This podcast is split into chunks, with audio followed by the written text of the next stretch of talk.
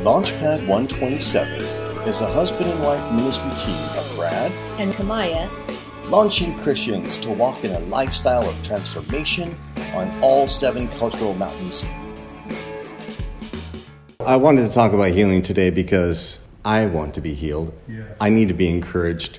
And anytime I, I share on something, it's typically because I, I need to be encouraged in that area. So, and I just also feel like now more than ever, not that, that it's not as important back 10 years ago, but I feel like all the more we need, we need God's healing to manifest through His church now. Yeah. To really see people come and, and choose coming to His body to be transformed, to be healed, as opposed to the first choice of just getting medical care. So, and I'm not saying anything's wrong with medical care, but my goodness, there's no cure for cancer, okay?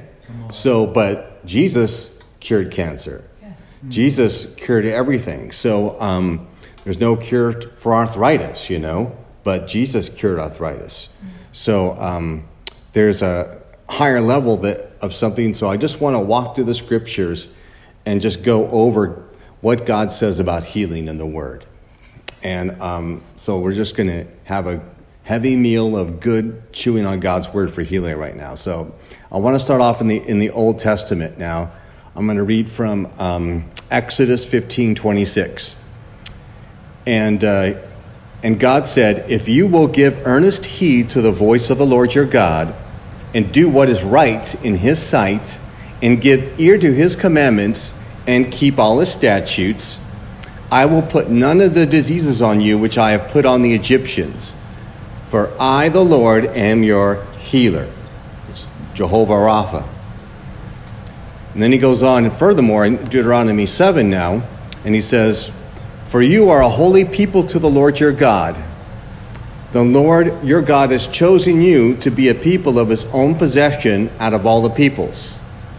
As we read this, remember now we're a chosen people in Christ Jesus and who are uh, to be a people for his own possession out of all the peoples who are on the face of the earth. Then it shall come about because you listen to these judgments and keep and do them, that the Lord your God will keep you, will keep with you his covenant and his loving kindness which he swore to your forefathers. He will love you and bless you and multiply you. You shall be blessed above all the people. There will be no male or female barren among you, nor among your cattle. The Lord will remove from you all sickness. This is part of God's covenant when we keep His commandments and obey His voice. The Lord will remove from you all sickness, and He will not put any of the harmful diseases of Egypt on you which you have known, but He will lay them on all who hate you. This is old, old covenant, Old Testament talk, but we know now that through Christ, we have been given complete access and all rights and privileges to the same covenant that God give, just quoted below. And furthermore, on the old covenant, they were, they were called to have to f- literally obey every command that he said, right? They had to, God basically says, if you obey my voice, if you obey my judgments, then I will remove from you all the sickness.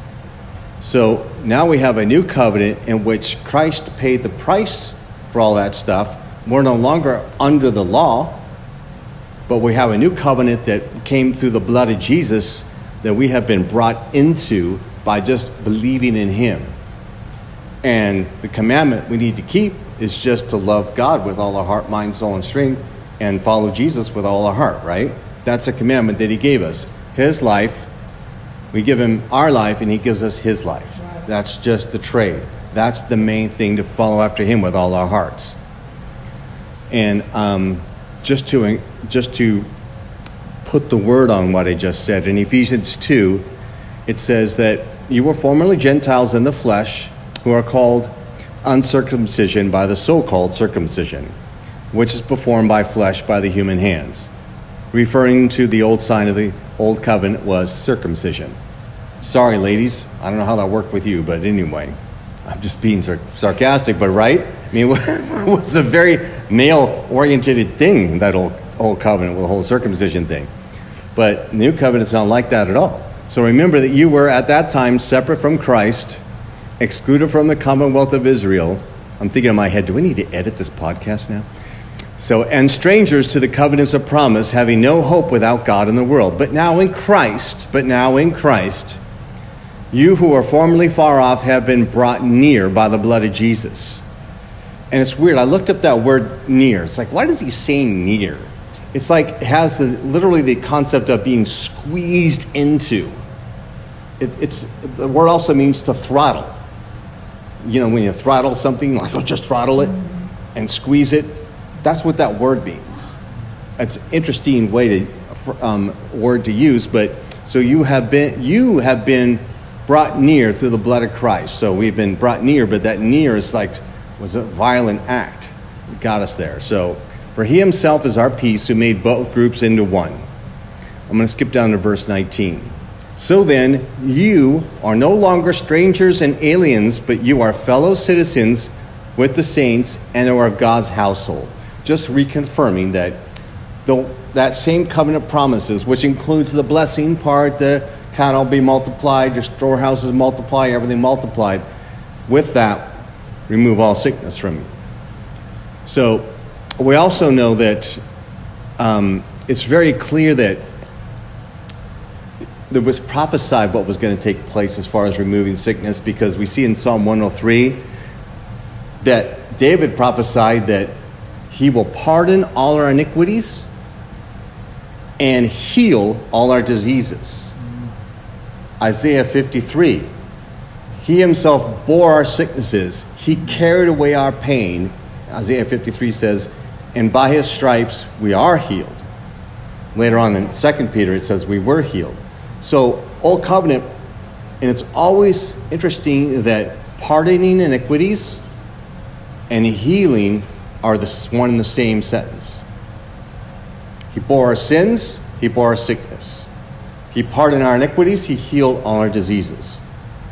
So if we believe in our hearts that we are forgiven and going to heaven, we are healed in that same sentence. You can't believe that you're forgiven and not also believe you're healed. They are one and the same, even though it hasn't been always taught. But that's true of salvation. We know we've been taught that word salvation means saved, healed, delivered, all those things. So let's also just take a look and encourage ourselves with when Jesus was alive, he did only what he saw the Father do.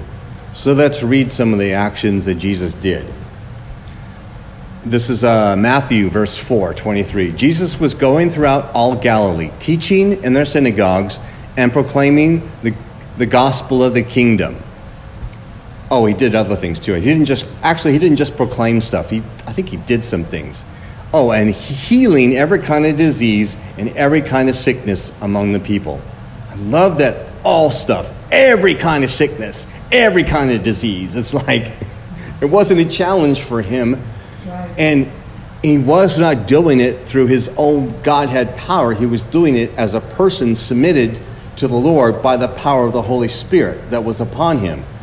He was just operating the same Holy Spirit power that's in us and lives through us. He was fully submitted. I don't know that I'm as close to being as submitted to the Father's will as he was, but I, I can be. Matthew 20, verse 4 24, and then it says, The news about him spread throughout all Syria. They brought him all who were ill, those suffering various diseases and pains, demoniacs, epileptics, paralytics, and he healed them all.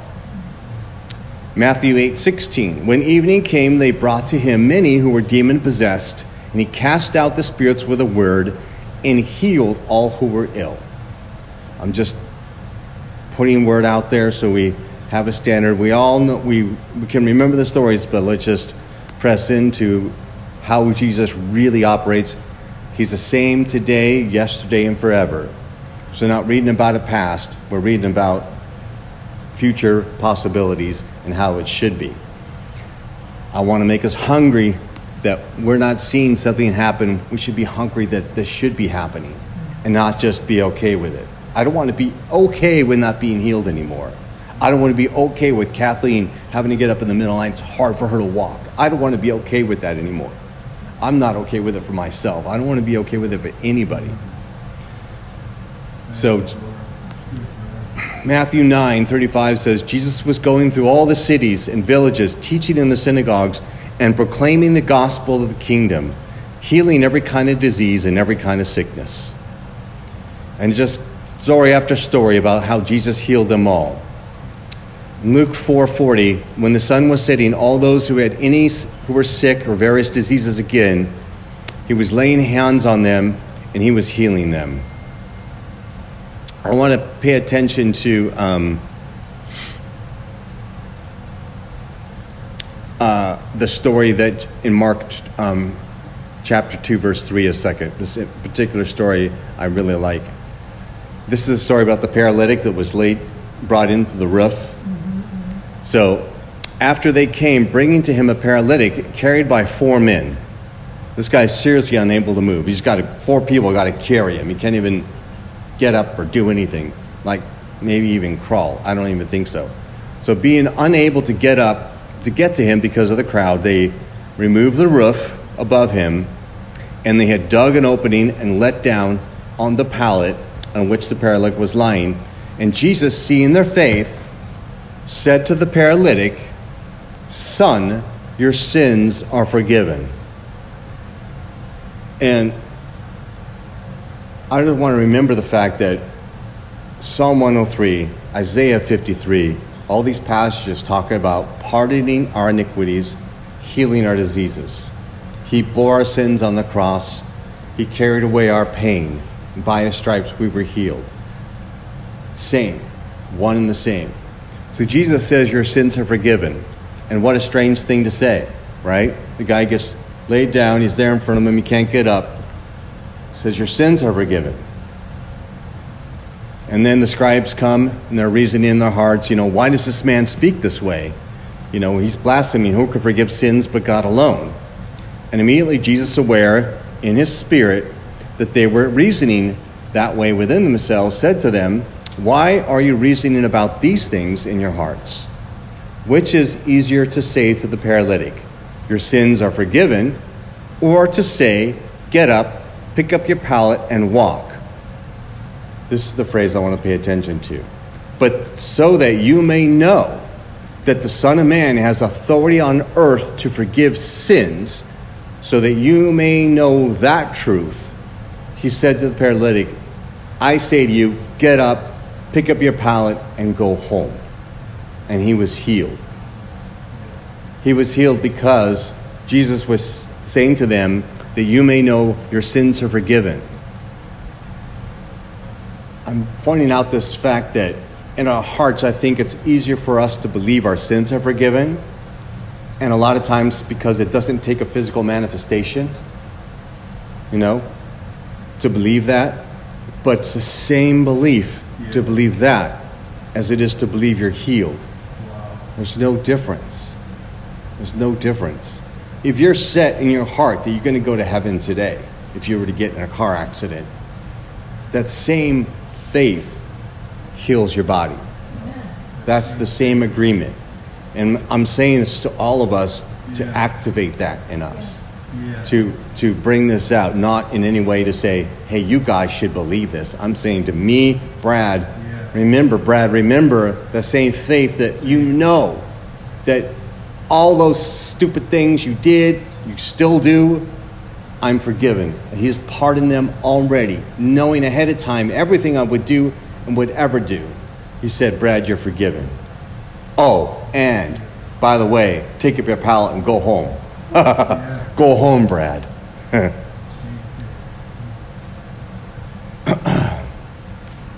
so we know that in reading these things, we know that God's it's not about a question of his will.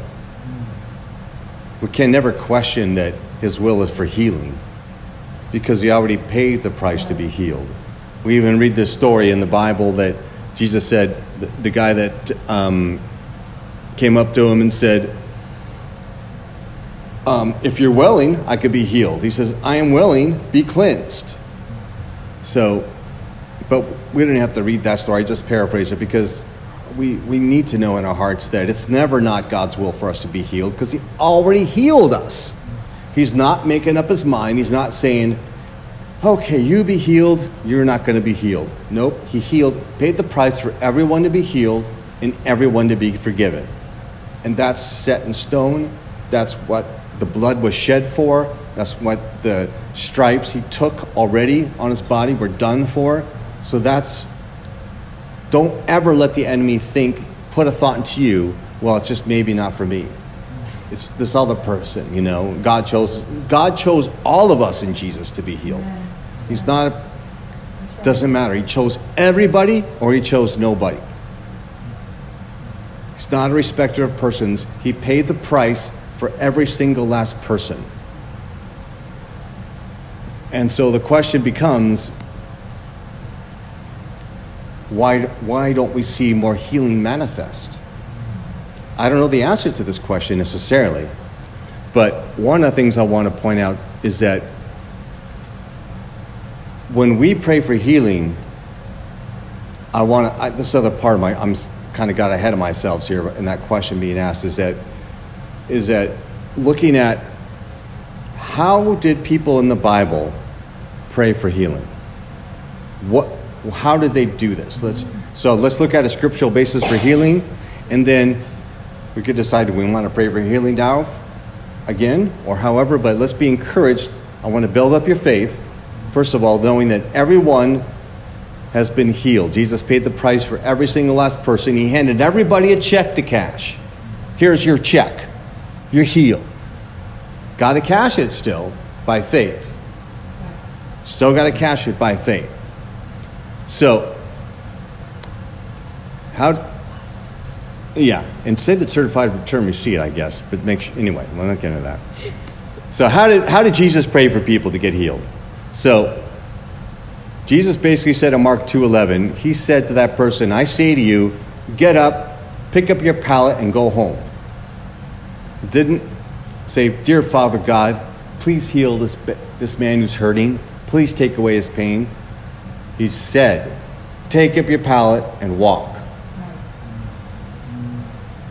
In John 5 8, at the pool of Bethesda, pick up your pallet and walk. Didn't he, he didn't even say, let your legs be strengthened. He just said, pick up your pallet and walk. You're healed. So, and then let's look in Acts chapter 3, verse 6. Peter and John said to this, they're at this gate beautiful by the temple. They're entering in. This person's begging. He can't, he's paralyzed. He's begging, he needs help because he can't, he can't get a normal job back then. It was probably labor, you know. You, so if you can't walk, you're not going to get much work, you know. So, um, but Peter and Peter said to him, I don't have silver and gold, but what I do have, I give to you. In the name of Jesus of Nazareth, walk. And grasping his by the right hand, he raised him up, and immediately his feet and his ankles were strengthened. And leaping up, he stood, and everyone took notice, and it was a big, it was a very big deal. This is what led to them getting arrested later on. And then they're like, Why did you arrest us? We just healed somebody. Won't get into that. Yeah. So, and we know the other stories. We see the stories in the Bible about um, Peter's shadow. Just when Peter would walk to the temple, his shadow would hit people. That's a whole nother level of somebody carrying the anointing. And Paul's handkerchief so there's definitely an aspect of a healing authority on somebody. It did say about Jesus that when he got up out of that water after being baptized, that the Spirit of the Lord descended upon him, but then after he got tested in the wilderness, then he had the Spirit with power. The Spirit with power. So, um, I don't know the trick or I don't know if that's the right phrase to use, but I know that it's the Holy Spirit upon us, that anointing, that power that gives us the power to heal somebody. And when we pray for the sick, We don't need to ask God ever uh, to heal somebody because He already has done it. He's done deal. It's a done deal. So when we think about praying for the sick, we have to realize in our hearts that this is something that is always God's will, and He's already paid the price for it. And it's a matter of the anointing of God working through us by faith. And it's never not God's will. It's never not His will. It's always His will to forgive, it's always His will to heal. Save. Hmm? And save. Just like saving. Yeah. That None shall perish. that none should perish. So, so Daddy, I, I thank you, Father God, for this truth, Lord God, that you are the same yesterday, today, and forever, Jesus. And Lord, I don't can't imagine what kind of responsibility it would be, Father God, to to have that kind of anointing that everyone we prayed for would get healed. That would be I don't even know, Father God, but we, we want to see the, the fullness of what you paid for come to pass, Lord God, so you could get the full benefit of what you paid for for us. The awful torment, Jesus, that you went through, the price that you paid for so we could be forgiven and healed is, was something you already accomplished, Lord. So help our, help our hearts, help our spirits, Lord God, to, to lock onto this and to, to have a hunger and a desire, Lord God, to, to just make a demand on what you've already given us, Daddy. Let us not settle. Let us not settle for what is easy. Let us press into your truth, Lord God, because that's what's going to change lives and make an eternal effect. And we know we're going to be healed in heaven. That's a given. But healing on earth is what changes people's hearts and minds towards you to show your goodness, Lord God. What a better way to demonstrate the goodness of God than to have someone who's not whole, who's fighting some sort of disease, to have them be healed, Lord God. So, Lord, I, I pray that your bride, Lord God, for us, Lord God, how, how do we walk in the manifestation of the healing that you've paid for, Daddy? So, Holy Spirit, I just pray for just your divine favor, Lord God. I pray, Holy Spirit, for your anointing to come, Lord God. And we just declare your healing grace over us as a body right now in Jesus' name. We declare that we are healed. That we are healed. Lord, we are healed. We are healed. Yes. We are healed. We are forgiven and we are healed. And it's a finished. It's finished, Lord Jesus. You finished it. You didn't do you don't have to do anything else. We just need to walk in it and receive it by faith, Lord God. As that person prayed, Lord God, to you, Jesus, if there's any unbelief, Lord God, help us in our unbelief, Lord God. Help us to walk in the belief to, to honor you, to bring you the honor you deserve, Lord God. Walking in healing brings you glory, brings you honor, Lord God.